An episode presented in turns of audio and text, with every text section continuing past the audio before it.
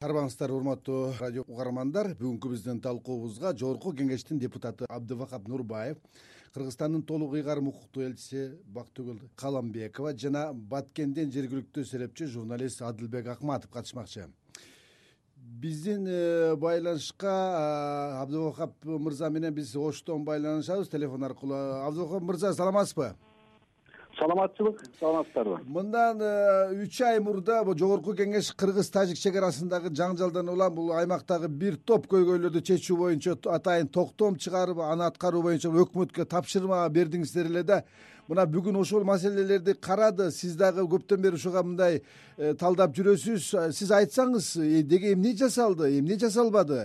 Бул өкмөттүн бүгүнкү отчету сизди канааттандырдыбы биздин комитет эл аралык иштерди коргоо жана коопсуздук боюнча комитети э, март айынын аягында карап анан жогорку кеңешке чыгарып жогорку кеңеш апрель айында жыйырма беш пункттан турган токтом кабыл алган. Ушул баткендеги чек ара маселелерин чечүү боюнча. Анан бул жерде негизги эң биринчи нерсе бул делимитация демаркация маселесин чечүү э, ошол жердеги жерлерди трансформация кылуу э, суу маселелерин чечүү элдерге жол маселелерин анан тез жардам саламаттык сактоо анан ушу бюджетте иштеген адамдардын айлыгын көбөйтүп берүү боюнча чек ара кызматынын материалдык абалын жакшыртуу боюнча биз ушундай пункттарды кабыл алган элек анан ошону көзөмөл иретинде биз жыйырма сегизинчи май күнү кайра ошол биздин комитетке маселени чыгардык ошол пункттун бири да аткарылып атпыз анан биз ошол жерде өкмөттү отставкага кетүү маселесин көтөрдүк эле бул аткарбаса булар өкмөт мындай колунан келбесе кетсин. Анан кайра суранышып ошол жерде э, министрлер анан вице премьер жок болуп калды өзү келип отчет берет анан бүгүн дагы каралып маселе каралды. Анан ошол биздин комитетте карагандан кийин өткөн жумада эки жүз жыйырма миллион сом акча которуштур. Маселени эми чече баштадык деп. Бул жерде өкмөттүн бир шалаакылыгы болуп атат да приоритеттүү негизде эң негизги маселе кайсы экенин көңүл бурбай эле ошол жерде сөз болду да премьер министр бажасын акча табат дагы чек арага акча таппайбы депчи. Э, жок сиз айтып атасыз эч кандай иш болбоптур деп э, ал өкмөт эмнемени түшүндүрүп атат ага? Өкмөт ушу эми кылып атабыз сүйлөшүп атабыз карап атабыз тапшырма бердик деген нерсе менен түшүндүрдү да баштадык эми депчи. Эми мисалы үчүн ошол жерди трансформация кылып бериш оңой эле да каражаттын дагы кереги жок. Аны чогултуп эки айда ошону бүткөрсө болмок да беш жүз гектардан ашык жерди ушундай кылып берип койсо суу маселени чечсе болот. Акчаны которбой турушкан ошого чейинчи. Жогорку кеңеш токтому бар ошол баягы финансирование ачпай турушкан ошо ошол күнү эки жүз жыйырма миллион которуп беришиптир эми иштер башталыптыр негизгиси биз тез арада ошол баягы жолдорду көк таш ак сай талдык жолдорун бүткөрүш керек деп ушул апрель айында тапшырма берген буну тез арада чечиш керек. Бул көз карандысызга ошол көз алдынча жүргөн чоң маанилүү бар жолдор деп. Ошолорду дагы карашпаптыр эми мына баштаптыр да. Азыр анда биз менен байланышта тиги жергиликтүү серепчи журналист адылбек мырза дагы турат. Адылбек мырза саламатсызбы саламатсызбы? Мына сиз айтсаңыз э, мына биздин депутат айтып атат өкмөттөн акча бөлүндү эми кыймылдай баштады депчи. Ушул маселелерди чечүүдө өкмөттүн аракети мындай баткенде сезилеби? Эл ушуну сезип атабы анын жарыгы тийип атабы? Эми э, чындыгында э, жакында эле ак сайда болгон окуядан кийин өкмөттөн да жогорку кеңештен да кайсы болбосо баардык бийликтин бутактарынан бул жака келип кеткендердин саны абдан эле көп ошол эле мезгилде азыр э, депутат айткандай бир катар маселелерди чечүү боюнча элге убадалар берилген да. Самым деле э, бүгүнкү күндө мен болгон иштердин баардыгын адилеттүүлүк үчүн айтып кетейин жогорку кеңештин депутаттарынын каржылоосу менен ал жерде мини футбол аянтчасы курулду бул кыска аралыкта берилди. Мындан тышкары буга чейин үчтөө ак сай мына аймактарында элдин муктаждыктары боюнча мына жүз гектар жерди бул көп жылдардан бери булар суранып келишет да анткени жер болмоюнча тиги элдердин саны өскөнү менен алардын үй курууга ошол жерлерден үй куруп жаштарды сактап калууга жер бөлүнбөй келген да самом деле өкмөт тараптанчы учурда азыр айыл өкмөттөн өкмөттө ушул маселе коюлуп жатат. Бүгүн эртең чечилип кала турган болсо ошол дал ушул азыркы сөз болуп аткан ак сай аймагындагы чек арага тектеш үчтөө ак сай айылдарынан ушу жерлер э, жаштарга берилет деген үмүт менен элдер турушат. Бирок адилеттүүлүк үчүн дагы айтып кетели. Ооба бүгүнкү күндө ушул тиги ак сай аймагындагы өтө мындай кооптуу анан бүгүн эртең бүтөт деген жерлерде курулуш ишleri жүрүп атат. Мисалы үчүн ак сай таамдык жолу. Өзүңүздөр билесиздер бул көп жылдардан бери чечилбей мына чечилет мына чечилет деди мына азыр ал жерде курулуштар жүрүп атат. Мындан тышкары азыр эле депутат айткан эки жүз жыйырма миллион акча бөлүнгөндөн кийин төрт объектте курулуш иштери жүрүп атат. Булар бул ошол ак сай айыл өкмөтүндөгү кажыайып орто мектебинде ремонтуна он миллион сом акча бөлүнүптүр бул боюнча ошол эле үч төгөө айылындагы детсад садтарды куруу иштери жүрүп атат да. Мындай тендер иштери бүттүр. Бирок эмнегедир мындай бул ушул жогорку кеңештин же өкмөттүн киришинен кийин азыркы учурда дал ушул ак сай айылында кичинекейлерде үмүт бар. Эмнеге дегенде чек ара аймактарында бизге өзгөчө статус берилет экен бизге өзгөчө мындай кам көрүлөт экен ар бир айылыбызга социалдык объекттер курулат деген ишеним бар. Муну жергиликтүү басма сөздөрдө деле жарыялап жатат. Ошондуктан мынагы бүгүнкү өкмөттөн бөлүнгөн эки жүз жыйырма миллион сом бул бир аз элдин ишенимин арттырып атат арттырып аткан сөйт да рахмат абдыбека мырза адылбек мырза биз байланышта болуп турсаңыз сиздерге дагы суроолорубуз болот. Бактыгүл айым мына жогорку кеңештин токтомунун төркүнүн түшүндүңүз өкмөттүн бүгүнкү аракетин дагы көрүп атасыз. Деги эле бийликте жасалып жаткан бүгүнкү аракеттерди сиз кандай бир баалап жатасыз? Ошол чек ара боюндагы маселелерди ушундай аракеттер менен эле кардиналдуу өзгөртүү киргизе алабызбы? Мындай өрт чыкты өрттү өчүрдүү дегенге окшоп калган жокпу ой мына орозонун э, буюрса рамазан айы чыгып атат орозо чыгып атат. Мен ушул э, мүмкүнчүлүктөн пайдаланып бүт кыргызстандыктарды журтташтарды жердештерди ушу кармаган орозолору окуган дубалары э, э тилектери кабыл болсун деп койгум келет. Мен азыр мына башында ушуну айткым келип атат да биздин жогорку кеңештин профилдик комитетинин бул маселенин артынан сая түшүп ушуну контролдоп атканы бул үмүт берет да. Үмүт берет мен буну угуп сүйүнүп атам. Э, ютубтан да көрдүм эле булардын. Баягы аябай бир эме катуу талкуу болуптур эми фрагменттери көрүнүп атат анан эми качан эле бир э, ушу ызы чуу чыкканда силер айткандай барып эле баягы баарыбыз эле барып э, элдин баарын ансыз деле баягы эмоциясы ашып ташып турганда кошул ташыл болуп эле ушул сүйлөп сүйлөп коюп эле анан келип эле ошо менен калып калып атат да анан депутаттар маселени ушу коюп туруп өкмөткө токтом берип ошол токтомду бергенден бери канча убакыт өттү? Ушуну эми сөзсүз дагы бир ызы чуу кылгандан кийин ызы чуу чыккандан кийин анан текшериш керекпи? Күнүгө эле өкмөт келип турат да туурабы өкмөт менен баягы элдин атынан иштеп аткан жогорку кеңештин ортосундагы күндөлүк баягы жумушчу мамилелер бир калыпка салыныш керек го дейм да. Менин оюмча азырынча баягы эми ниет бар. Э, анан сөз көп аракеттер бар аракеттердин суммасы бар бирок натыйжалары э, баягы ойдогудай болбой атканын көрүп атабыз. Бизде каражатка эле байланышкан маселеби же бир башка да бир маселе барбы мисалы үчүнчү? Биз баягы каражатка эле шылтап койгондой эле болуп аткан жокпу дейм да мисалы үчүн каалоо же болбосо бир аракетин чечкиндүү кадамдар эми мындай да бул э, чек ара маселеси бизде э, көп катмарлуу да. Көп катмарлуу болгон үчүн мына азыр биз сөз кылып аткан нерсе ошол чек арага жакын жайгашкан элдердин күндөлүк турмушун социалдык экономикалык абалына тиешелүү маселелерди койгон маселелерин чечүү да негизгиси ушу жер суу э жетишпестигинен адамдардын санынын өсүп атышы чек аранын так болбой атышы башка жерге көчүп кетиш мүмкүнчүлүгү болбогондугу ошол жерде жашоо зарылчылыгы болгон. Буларга буларды чечиш керек. Бул биринчи катмар. Бул ушул жергиликтүү бийлик менен бийликтин өкүлдөрү менен өкмөттүн жасай турган иши. А бирок мамлекеттик деңгээлде жасала турган даже өкмөттүн деңгээлинде жасала турган жогорку кеңештин деңгээлинде жасала турган башка маселелер бар. Абдыбакап мырза угуп атам жана сиз э, айттыңыз э, жогорку кеңештин токтомунун алдыңкы пункттарында жанагы эки өлкөнүн ортосундагы чек араларды демаркация делимитация маселеси деп айтпадыңызбы? Мына ушул маселеге келгенде бул кыргыз тажик чек арасындагы абалды жеңилдетүүнүн бир чечүүнүн бир жолу расмий бийликтин башындагылардын э, бири бирине болгон ишеними бул э, маселени чечүүнүн негизги фактору деп келебиз да. Ушул жааттан алганда мындай тажик кыргызстандын ортосундагы бир э, чек араларды тактоо маселеси эмне үчүн бир алдыга жылбай атат? Анын себеби эмнеде болуп атат?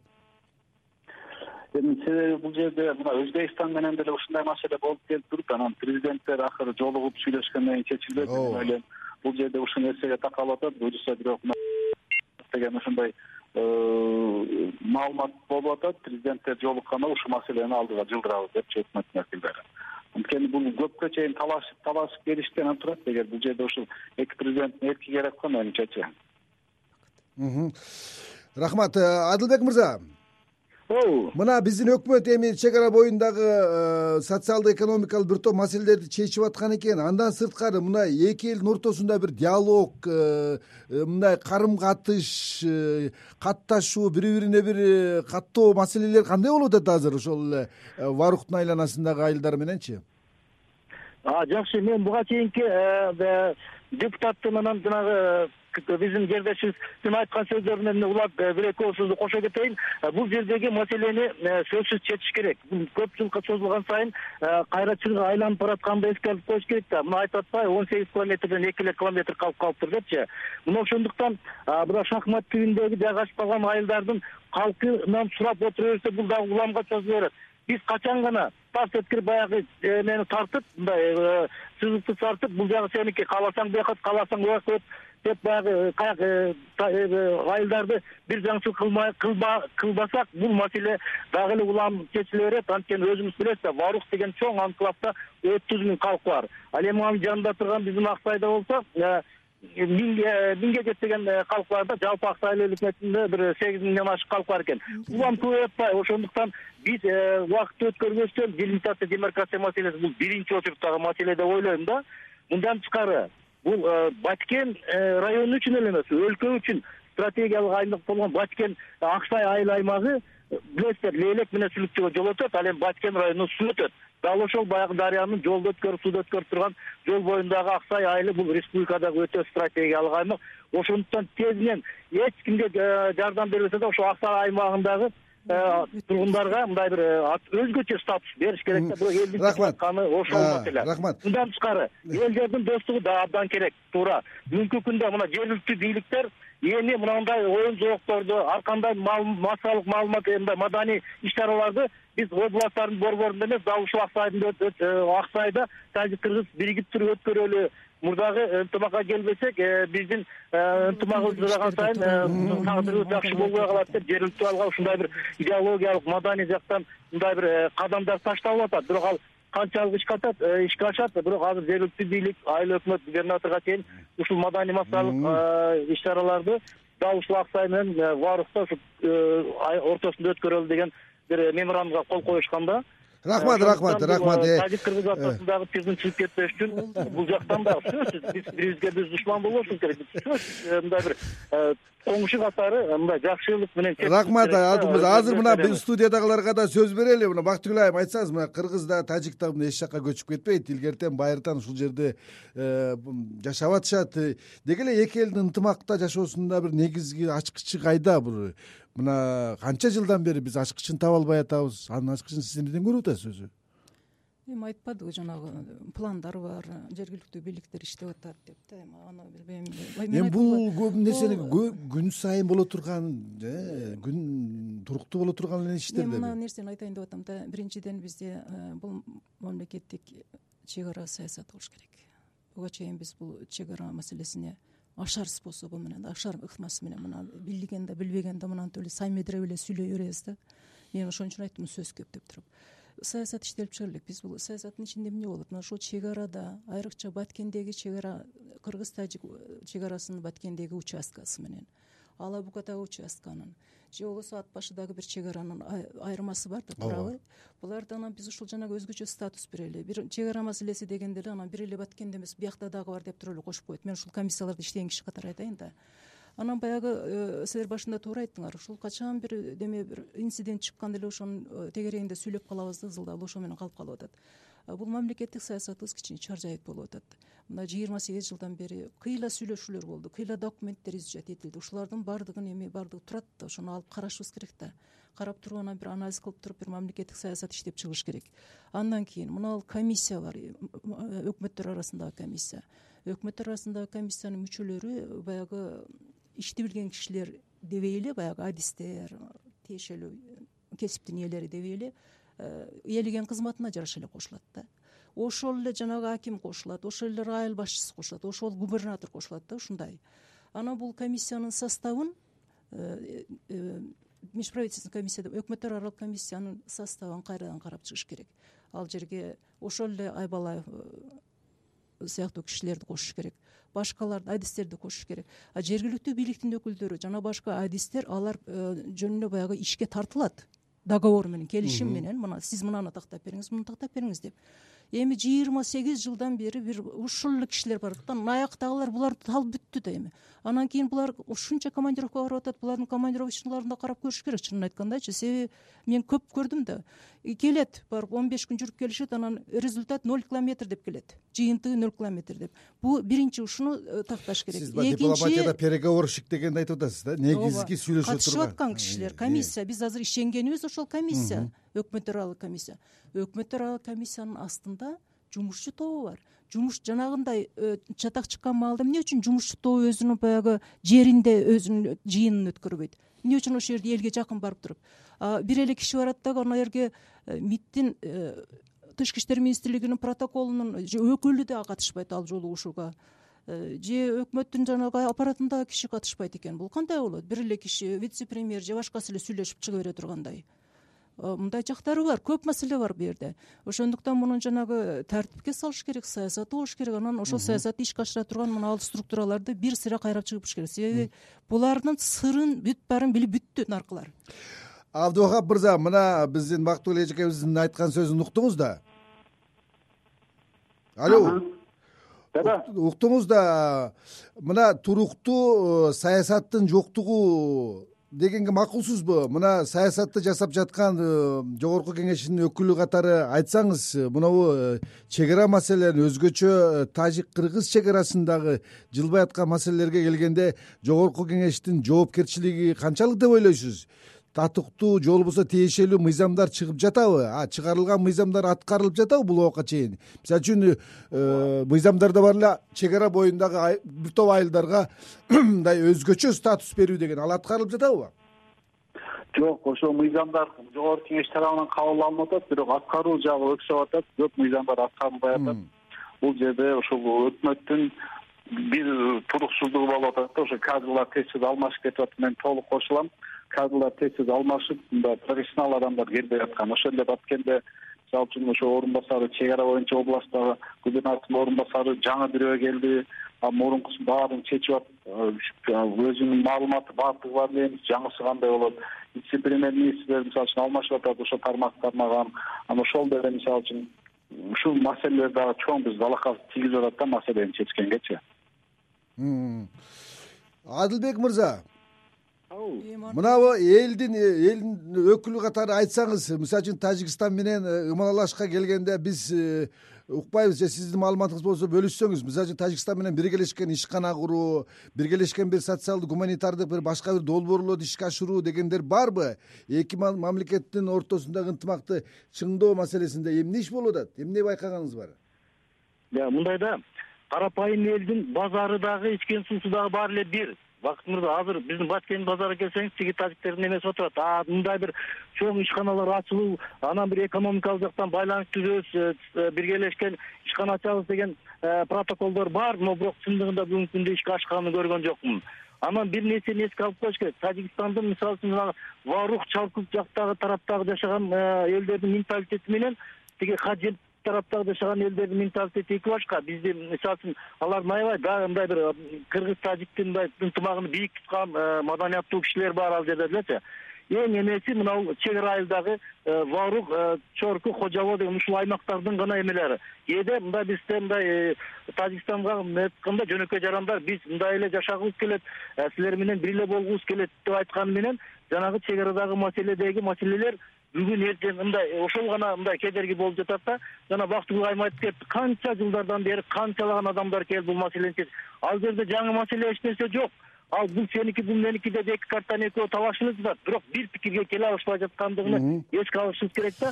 Дал ушул жерде э, айылдар эки айыл ал жака мен жака өтүп кетет деген жерди бүгүн эртең ушуну батыраак бир пикирге келип чечсе Э, ошондо гана э, мындай тынчып калат дегендей рахмат эмнеге дегенде бүгүнкү биздин коросунан бирөөсүнө суу атып атат бактыгүл айым э, мына биздин өкмөт чече турган биздин жогорку кеңеш чече турган кечиктирбей бир маселе чече турган бир маселелерди деп кайсыларды айтар элеңиз азыр биринчиден мына биздин колубузда жогорку кеңештин комитетинин профилдик комитетинин токтому бар экен туурабы жогорку кеңештин токтому бар. Ушул токтом боюнча отчетун угуш керек.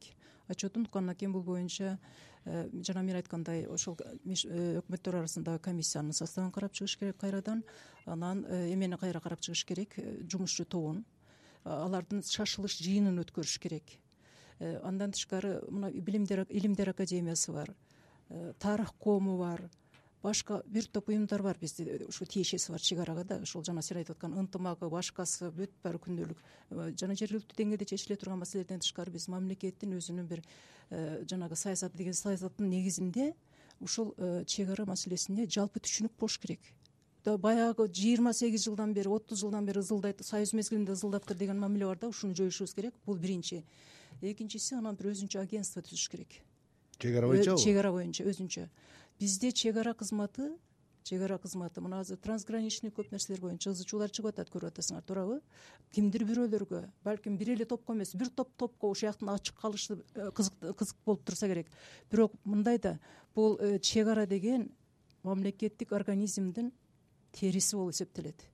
Териңиздин бир жерин жара басып ириң басып турса мамлекеттин бүтүмдүүлүгү жөнүндө сөз айтыш кыйын болот. Ошондуктан мен айтып атам мамлекеттик саясат керек. Мамлекеттин саясат дегени мамлекеттин ушуга так көз карашы так мамилеси керек стратегиялык максаты болуш керек. Биз мынандай кылабыз. Муну менен мына жагын сүйлөшөбүз. Силер биягын чечип туругула трансформациясын суусун тиги мунусун бирок биз мамлекеттик деңгээлде жанагы жогорку жана эң жогорку деңгээлде өкмөттөр аралык жана парламент аралык мамилелер бар ушулордун деңгээлинде чечиле турган маселелердин баардыгын иригеш керек. Мисалы үчүн э, кошуна өзбекстан менен мындай чек аралар тактоо алдыга жылып атат да сексен беш процент бүттү деп атат тажикстан менен эмнеге жылбай атат? Сиз анын себебин эмнеден көрүп атасыз? Эми мунун себеби көп. Мен азыр мына биздин эфирдин убактыбыз өтө чектелүү үстүнө баягы э, жергиликтүү кишилерге көбүрөөк берип койдуңар убакытты э, бул муну бир өзгөчө дагы бир сүйлөшсө болот. Бирок э, бул боюнча биз өзүбүздүн запискаларды берип келебиз пикирибизди баардык жерлерде айтып келип атабыз. Мен айткандай жана институциональный память деген бар ошону бир көтөрүп окуп көрүшсүн сиз айтып атпайсызбы комиссияны кайра караш керек деп. Сиз мына ал аймакты аябай жакшы билесиз ошол жакта төрөлүп өскөнсүз дегендейчи сиз ушул комиссияга кирип өзүңүз салымыңызды кошот белеңиз ошого албетте.